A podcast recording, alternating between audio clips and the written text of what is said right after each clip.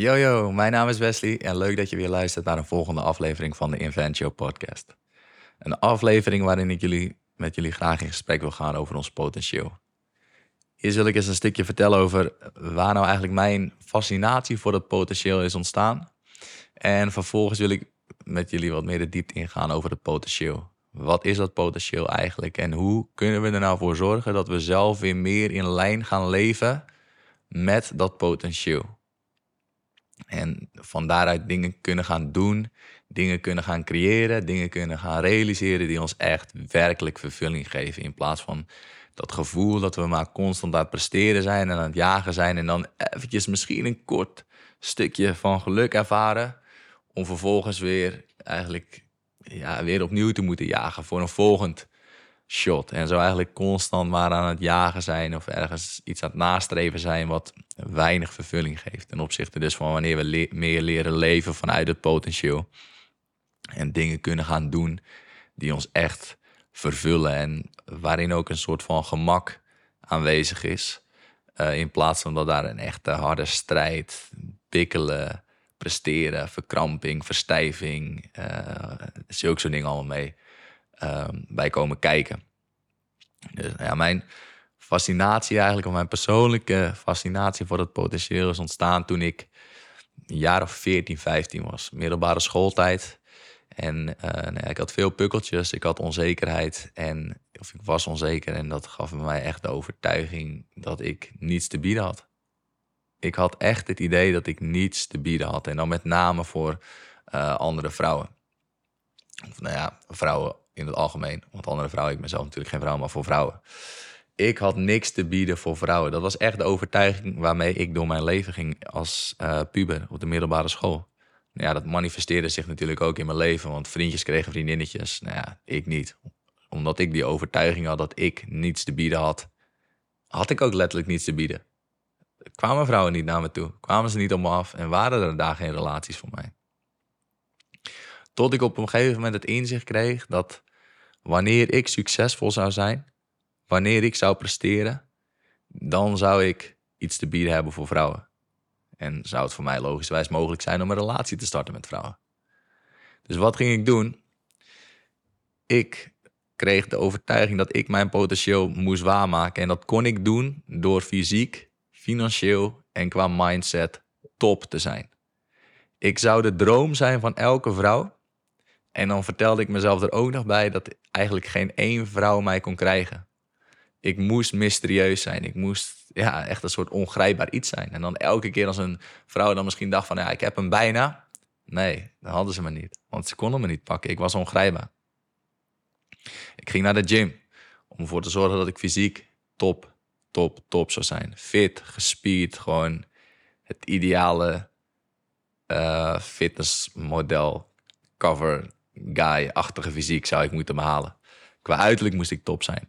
Financieel moest ik perfect presteren. Het financiële succes, rijk, financiële overvloed, geld als water, groot huis, presteren qua financiën en dergelijke, you name it. En qua mindset, ijzersterk, geen ruimte voor onzekerheid, geen ruimte voor plezier, geen ruimte voor leuke dingen, maar gewoon alles. Echt zo'n mindset, gewoon topsport mindset. Alles voor het presteren. Alles, alles, alles in mijn hoofd, in mijn gedrag, in mijn denkpatronen moesten in lijn zijn met dat presteren.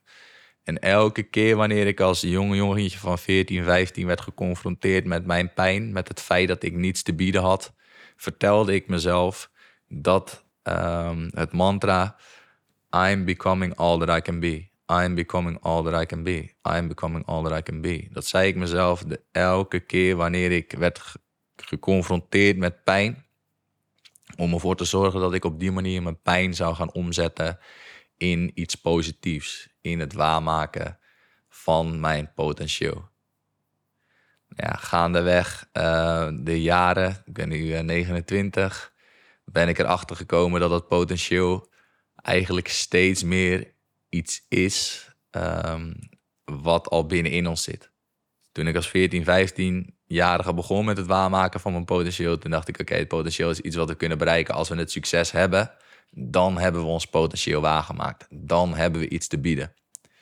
Terwijl het potentieel eigenlijk iets is wat altijd al in ons aanwezig is. Het is er altijd al. Het enige wat er gebeurd is along the way, along ons, uh, ja, gedurende onze opvoeding, um, gedurende ons opgroeien eigenlijk. Want niet alleen de opvoeding, natuurlijk, die heeft er wel een groot, grote invloed op. Maar ook wat er op school gebeurt, hoe vriendjes op ons reageren, de dynamieken die daaruit ontstaan. Die hebben allemaal zo enorm veel impact op um, onze ontwikkeling als persoon. En zorgen er eigenlijk ook voor dat we steeds verder worden weggedreven van ons potentieel. We zijn namelijk in contact met ons potentieel wanneer we ons authentieke zelf durven zijn. En wanneer we ons authentieke zelf ook kunnen zijn. Ja, wat gebeurt er gedurende de opvoeding? Wat gebeurt er op school? En wat gebeurt er in de dynamiek met vriendjes? Daar zijn er geregeld keren geweest waarin we werden bestraft, gekwetst of pijn werden gedaan, waarin we ons authentieke zelf tot uiting lieten komen. Waardoor we eigenlijk um, ons authentieke zelf steeds meer zijn gaan afsluiten. Onszelf steeds meer zijn gaan aanpassen om ervoor te zorgen dat we niet meer gekwetst en niet meer pijn gedaan zouden worden. Maar dat we op die manier door ons aan te passen, door ons authentieke zelf naar de tweede plan te schuiven, door daar een muurtje omheen te creëren, dat we de liefde, de erkenning en uh, de waardering zouden gaan ontvangen. We gaan eigenlijk steeds um, we zetten een soort van masker op. We trekken een bepaald harnas aan om er maar voor te zorgen dat we niet meer gekwetst kunnen worden, dat we niet meer pijn gedaan worden. En we gaan dat harnas opfleuren in de hoop geliefd, erkend en gewaardeerd te worden door de mensen om ons heen. Maar waar we eigenlijk niet, onszelf niet van bewust zijn, is dat het harnas wat we op dat moment zijn gedragen en het masker dat we op hebben, dat beperkt ons om ons potentieel tot uiting te brengen. Om ons authentieke zelf tot uiting te brengen eigenlijk.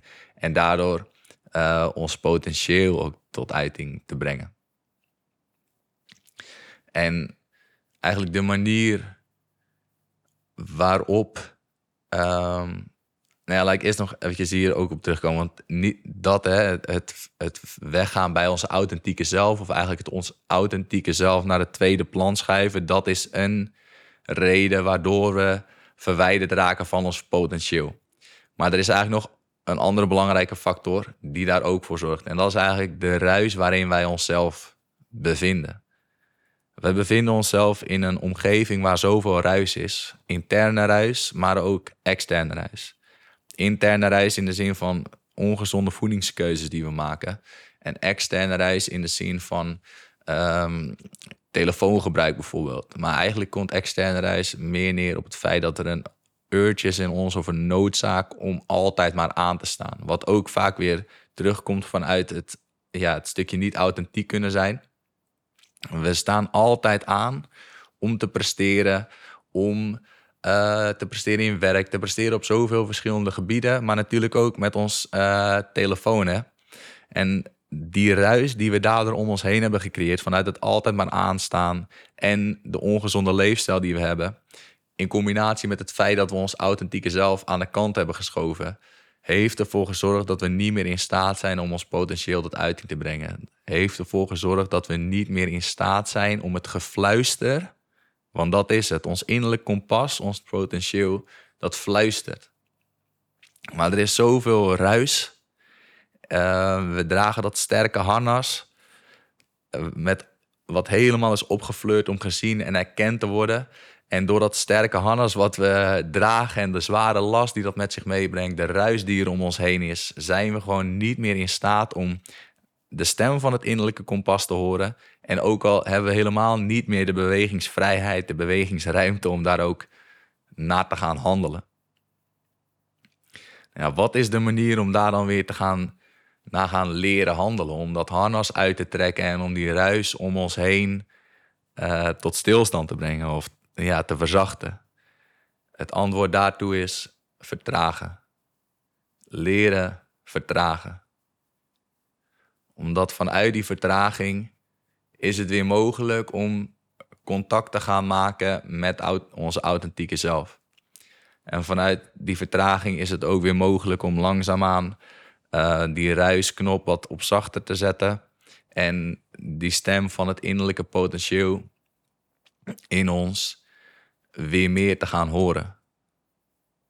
En ehm, ja, met vertragen bedoel ik activiteiten gaan ondernemen um, waarin we niet aanstaan. Waarin er niet dat gevoel is dat we moeten jagen, maar activiteiten waarin we gewoon echt weer eventjes met onszelf kunnen zijn. Activiteiten waarin we kunnen leren luisteren naar wat er eigenlijk allemaal uh, door ons heen gaat. Zowel qua emoties als qua gevoelens, maar ook qua innerlijke stem. Wat die innerlijke stem ons eigenlijk allemaal vertelt en waar dat eigenlijk allemaal op gebaseerd is, die stem van die we in onszelf horen. En um, natuurlijk fantastische activiteiten daarvoor om weer in contact te komen met onszelf eigenlijk en te vertragen, is uh, meditatie, is mindfulness, is een uh, bodyscan, is bewegen. En dan bewegen in de zin van een wandeling in het bos, maar dat kan ook weer bewegen zijn in de zin van uh, nou ja, lekker sporten, krachttraining, fietsen, kickboksen, noem het allemaal op. Waarbij we eigenlijk uh, die hele druk op het presteren in de zin van sterker worden, beter worden, natuurlijk. Dat mag allemaal. En dat is ook wel iets wat zal gaan gebeuren wanneer je die dingen gaat ondernemen. Maar nou, waarin we ook daarin die druk op ons presteren wat meer gaan leren loslaten. En meer op een gezonde manier gaan leren inzetten. Waardoor we ook weer meer verbinding en contact kunnen maken met ons lichaam.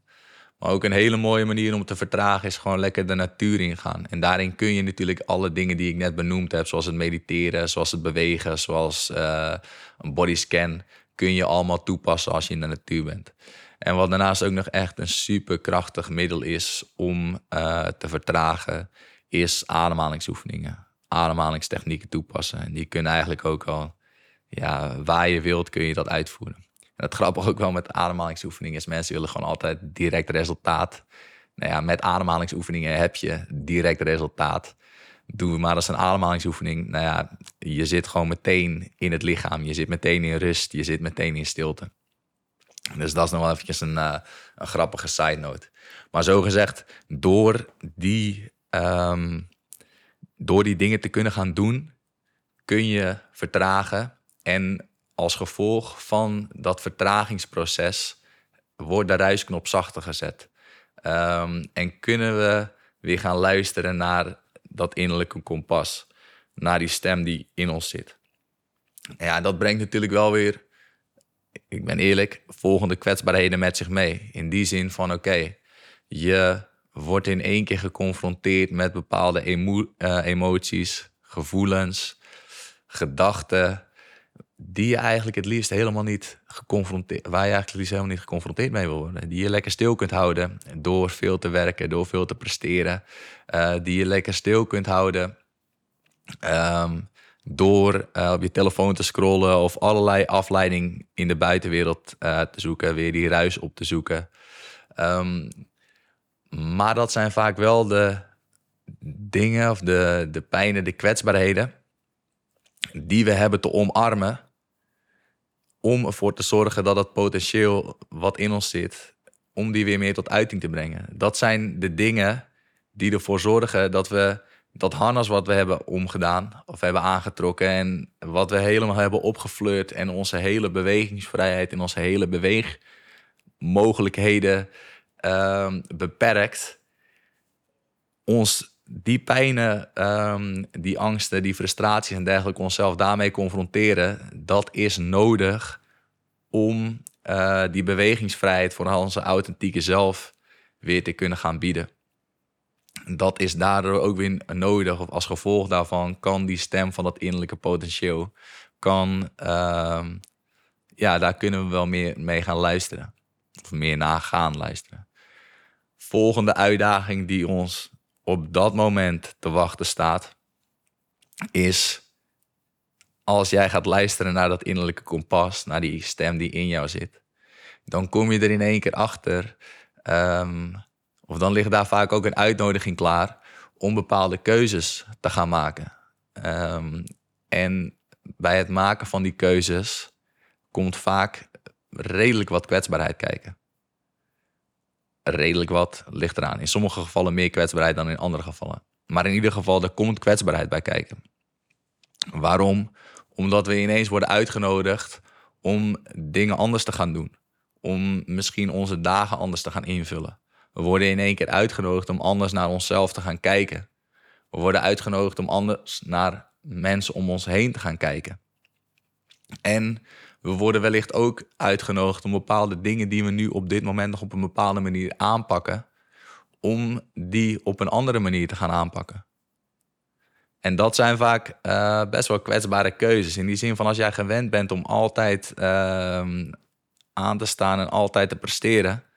En vanuit die innerlijke stem of vanuit dat innerlijke kompas wordt jou verteld dat je ook wat meer in een verzachting mag komen. En wat minder hoeft te gaan presteren. Ja, dat kan best wel in strijd zijn met bepaalde overtuigingen die jij hebt. Met bepaalde denkwijzen, ziensbeelden die jij hebt. En ook daarbij om dan vervolgens die keuze te maken om wat meer in de verzachting te komen en om wat minder te werken. Daar komt ook veel kwetsbaarheid bij kijken. Dus um, dat is het lastige aan het gaan leren luisteren naar de stem van jouw innerlijke kompas. Omdat daar, het wordt, op dat moment wordt jij uitgenodigd om bepaalde keuzes te gaan maken die niet altijd even makkelijk zijn. Maar uit eigen ervaring kan ik jou wel vertellen dat het zo enorm waard is om die keuzes te gaan maken. Omdat het jou zo enorm veel vrijheid gaat bieden omdat je langzaamaan dat, zo gezegd, ik heb het al een paar keer benoemd, maar dat irritante harnas wat jij draagt, waarin je eigenlijk helemaal geen bewegingsvrijheid hebt, waarin je totaal niet kunt zijn wie jij werkelijk bent, dat harnas kun je uitdoen. Ineens um, word je in staat om jezelf met al jouw mooie en met al jouw kwetsbare kanten beter en beter te leren dragen ineens wordt het voor jou meer mogelijk om keuzes te maken die werkelijk vervulling geven. In plaats van dat je keuzes maakt vanuit een bepaalde belofte van liefde, erkenning en waardering. Waardoor je eigenlijk constant een soort van aan het jagen bent. Constant je eigen grenzen aan het inleveren bent of voorbij aan het gaan aan je eigen grenzen. Om ervoor te zorgen dat je dan die liefde, die erkenning en die waardering kunt krijgen. Omdat als jij jouw authentieke zelf tot uiting kunt brengen, en jij jouw kwetsbaarheden volledig kunt omarmen en jouw positieve en mooie kanten volledig kunt omarmen, dan heb je anderen niet per se meer nodig om uh, die erkenning, die liefde, die waardering in jezelf te kunnen voelen. Er is gewoon een bepaald, als jouw innerlijke kompas aanstaat en jij kunt luisteren naar de stem van jouw innerlijke kompas, dan is er gewoon een bepaald een stem die jou elke keer weer influistert. Of je hebt, nou, laat ik het zo zeggen, je hebt op dat moment een bepaalde toegang gecreëerd tot jezelf waarin een stem zit, een bepaalde wijsheid die jou constant weer influistert dat jij al goed genoeg bent. Dat uh, je al mooi genoeg bent. En um, een stem die jou constant weer vertrouwen geeft. Een stem die jou constant toespreekt in de hoogste vorm van je zijn, in de hoogste vorm van wie jij bent. En je kunt begrijpen dat wanneer die stem geactiveerd is en jij hebt, doordat je hebt leren vertragen en doordat je toegang hebt leren krijgen weer tot die stem van jouw innerlijke kompas. Dat is wel echt heel fijn wanneer je elke keer weet dat daar die stem is waar jij op terug kunt vallen. Die stem die jou vertelt dat het goed komt. En het, dat gaat ook daadwerkelijk allemaal goed komen. En elke keer die stem die jou weer in het positieve weet, uh, weet te brengen. In plaats van wanneer je nog dat harnas aan hebt en jezelf constant wegcijfert. Dat je eigenlijk luistert naar meer een bepaalde innerlijke criticus die meer bezig is met uh, jou te wijzen op angsten, jou te wijzen op pijn, jou te wijzen op frustraties, waardoor je ook gaat leven vanuit een bepaalde angst. Wanneer je leeft vanuit pijn, of waardoor je leeft vanuit pijn, waardoor je leeft vanuit frustraties. En daarin geldt ook weer dat wat jij uitzendt, zul je automatisch ook aantrekken. Wanneer je leeft vanuit angst, wanneer je leeft vanuit pijn, wanneer je leeft vanuit frustratie, zul je ook elke keer daar weer mee beloond worden. Ten opzichte van wanneer jij leeft vanuit dat innerlijke kompas, leeft vanuit die stem van het vertrouwen, leeft vanuit die stem dat het goed is, dat jij er mag zijn, vanuit liefde, vanuit hè, die, die positievere dingen, dan zul je ook dat in je leven weer gaan, uh, weer gaan aantrekken. En dat gebeurt er wanneer we leren leven vanuit ons, uh, vanuit ons potentieel, vanuit ons innerlijke kompas. Dat gebeurt er wanneer we in staat zijn om uh, te vertragen, naar binnen te keren, zoals er dan uh, wordt gezegd, wat meer uit ons hoofd te komen en af te dalen naar, uh, naar ons hart, af te dalen naar onze intuïtie en weer meer in ons lichaam te komen. Van daaruit onszelf gaan leren kennen, onze behoeftes gaan leren kennen en vanuit het innerlijke weten, het innerlijke vertrouwen wat, daar, wat we daar vinden, keuzes te gaan maken welke ons werkelijk vervullen. Waardoor we dingen kunnen gaan loslaten die ons eigenlijk niet meer dienen. Omdat ook dan die stem vanuit het vertrouwen weer tegen ons zegt van je kunt loslaten, het is veilig, het is goed. Ja, zo gezegd, dat is zo, zo magic wanneer we dat contact weten te maken met ons potentieel, met die innerlijke stem.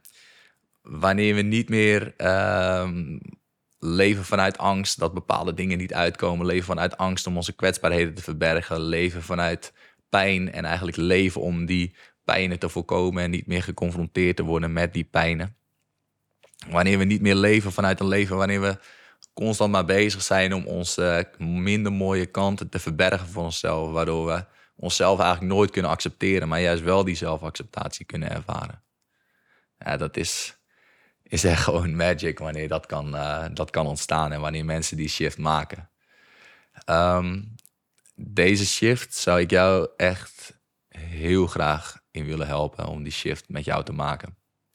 Die shift waarin we weer gaan luisteren naar jouw innerlijke kompas. Of jou eigenlijk weer gaan leren luisteren naar jouw innerlijke kompas. Um, die shift waarin we een basis of een fundament aan innerlijke rust en innerlijk vertrouwen gaan creëren. Waardoor jij uh, vanuit zelfvertrouwen en zelfacceptatie jouw potentieel kunt waarmaken. En daaruit gaat zoveel zelfinzicht ontstaan, uh, zoveel groei, zoveel uh, zelfacceptatie. En jij wordt eigenlijk in staat om jouw eigen kwetsbaarheden en de innerlijke thema's die gedurende jouw opvoeding zijn ontstaan, jij wordt in staat om die steeds beter zelf te gaan dragen, waardoor jouw authentieke zelf steeds meer tot uiting kan komen. Uh, de ruisknop omlaag gaat en jij acties kunt gaan ondernemen vanuit, jou, uh, vanuit jouw potentieel. Ja, mocht jij interesse hebben in het coachingsprogramma wat ik aanbied om het potentieel in jou weer tot uiting te brengen, dan um, kun je reageren via mijn Instagram, eventjes een, door een DM te sturen. Uh, mijn Instagram is wesley.de.groot lagenstreepje. Of je kunt een mailtje sturen naar wesley En het lijkt me fantastisch om jou uh, ja, te spreken tijdens jouw persoonlijke kick-off moment en uh, jou te begeleiden in dit proces. Ik uh, wil je bedanken voor het luisteren naar deze aflevering. En um, ik hoop jullie weer te zien bij een volgende aflevering. Yo.